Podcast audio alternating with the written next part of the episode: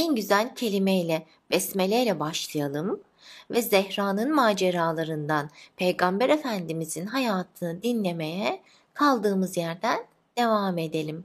14. bölüm Ok ve Yay Zehra yolda yürürken vın diye bir ses duydu. Sesin yan taraftaki koruluktan geldiğini fark edince düşünmeden ağaçların arasına daldı.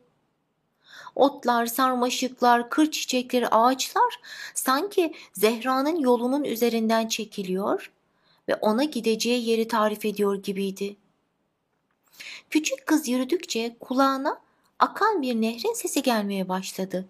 Oysa annesi ve babasıyla buraya pek çok kez piknik yapmaya gelmişler ama hiç nehir görmemişlerdi. Zehra su sesini takip etti. Gerçekten de biraz sonra güzelliği göz kamaştıran bir nehir gördü. Sanki gürültü yaparsa nehir korkup kaybolacakmış gibi geldi ona. O yüzden de yavaşça suya yaklaştı. Suyun sesi dağlarda yaşayan bir çobanın söylediği türkü kadar güzeldi. Berraklığı ise ömrünü ibadetle geçiren bir dervişin yüzünü süsleyen gözyaşlarını andırıyordu. Zehra dayanamayıp elini bu akan suya nehre daldırdı. İşte o zaman tehlikeden korkan insan nasıl geri geri adım atarsa su da kendini geriye doğru çekmeye başlamasın mı?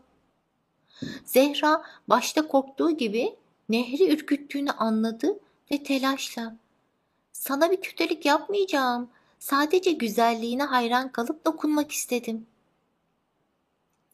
Zehra sözünü bitirince nehrin ortası kaynamaya başladı ve buradan uzun saçları beline inen bir kız çıktı. Ama kızın saçları, elleri, teni, kısacası vücudunun her zerresi sudandı. Bana neden öyle bakıyorsun Zehra? Şey çok güzelsiniz de ondan. Teşekkür ederim. Ben bu nehrin ruhuyum. Aslında burada yaşamıyorum ama seni alıp peygamberimizin hayatına götürmek için kısa bir yolculuk yapmam gerekti. Gitmek için hazır mısın? E, e, evet evet elbette. Şey nereye gideceğiz bugün? Hatanın işlendiği ana. Şimdi yanıma yaklaş. Merak etme su derin değil. Zehra nehrin içinde yürümeye başladı. Su ancak dizlerine geliyor. Onu üşütmek yerine günlerce yol yürümüş bir insanın bacaklarına dinlenmek nasıl iyi gelirse öyle iyi geliyordu. Zehra sanki hastaydı da bu su çok marifetli bir doktor gibi onu dokunuşlarıyla tedavi ediyordu. Sonunda nehrin ruhunun yanına vardı. Nehrin ruhu önce eğilip Zehra'nın gözlerine yakından baktı ve ardından sudan bedeni paramparça olup Zehra'nın üzerine bir su kütlesi olarak yığıldı. Zehra birdenbire denizin dibine itilmiş gibi havasız kaldı. Su yüzünden ne gözlerini açabiliyor ne de soluk alabiliyordu. Gözlerini aç ve hatanın işlendiği ana gel. Zehra Duyduğu bu sesle gözlerini açtı. Kendisini nehrin ortasında bulmak yerine Peygamber Efendimizin evinin önünde buldu. Müminler bu evin etrafını çevirmiş ve hep birazdan konuşuyorlardı. Söylemeyi bırakın artık olan oldu. Olan oldu da ne demek Muazoğlu Saat? Ne mi demek? Peygamberimiz size başından beri Mekkelilerle yapacağımız savaş için Medine dışına çıkmayalım diyor. Onlar buraya gelsin, biz de savunma savaşı gerçekleştirelim diyor. Farkında değil misiniz? Mekkeliler Bedir Harbi'nde yenilmelerinin intikamını almak için nasıl da kuvvetli bir ordu kurmuş. Ama siz Resulullah'ın işine karıştınız. İlle de burada beklemeyelim, biz de onlar gibi şehrimizin dışına çıkalım dediniz.'' Tabii deriz biz korkak mıyız ki şehrin içinden savunma yapacağız Muazoğlu Saad. Bir düşün bu Müslümanların şanına yakışır mı? Müslümanın şanını Allah Resulü elbette senden de benden de iyi bilir. Önemli olan akıllı davranmak. Bir peygamberi yapmak istemediği bir şeye zorladınız. Yazık size ve bize. Kararı ona bırakmalıydık. Allah Resulüne vahiy de gelebilirdi ama acele ettik. Haklısın, gidip özür dileyelim. O nasıl isterse öyle davranalım. Biz gerçekten de yanlış yaptık. Kafirleri Hz. Muhammed'i dinlememekle kınarken biz de cahiller gibi davranıp onun isteği yerine kendi isteğimizde direttik. Konuşmalar devam ederken Resulullah tam o sırada zırhını giymiş bir biçimde gözüktü. Müminler onu görünce hep bir ağızdan ''Ey Allah'ın Resulü biz senin emrine karşı gelmeyiz. Sen ne istiyorsan onu yap.'' diye özürlerini dile getirdiler.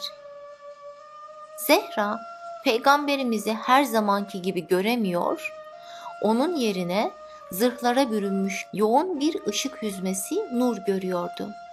Ama bugün bu ışık hüzmesi daha önceki günler kadar parlak değildi. Peygamberimizin üzgün hali çevresine yayılan nurun parlaklığını eskitmiş gibiydi. Zehra Hz. Muhammed Aleyhisselam konuşunca onun sesinde de hüznü yakaladı. Şöyle diyordu Allah'ın Resulü. Ben size arzumu ve fikrimi daha önce belirttim. Savaş konusunda tecrübeli olanlar da benden yana çıkıp kararımın doğruluğunu dile getirdiler. Fakat kabul etmediniz. Ben de zırhımı giydim. Bir peygamber zırhını giydikten sonra Allah aksini emretmedikçe çıkartmaz. Onun için size bundan sonra ne dersem onu yapmaya gayret gösteriniz. Sabrederseniz, dayanırsanız zafer kazanırsınız. Allah'ın Resulü sözlerini bitirince elini ileriye doğru uzatarak şimdi kafirlerle çarpışmak için oraya Uhud'a gideceğiz dedi. Zehra da ordunun peşine takılıp Uhud'a doğru yol almaya başladı.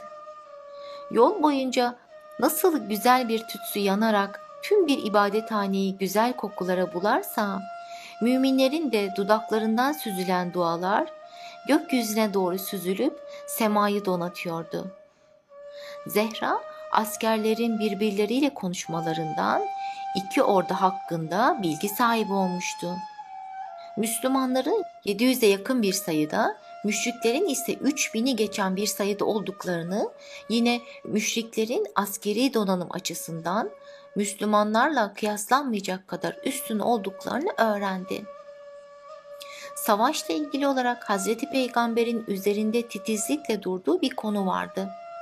Allah Resulü Müslümanlardan 50 okçu ayırmış ve yolda onları şöyle tembihlemişti.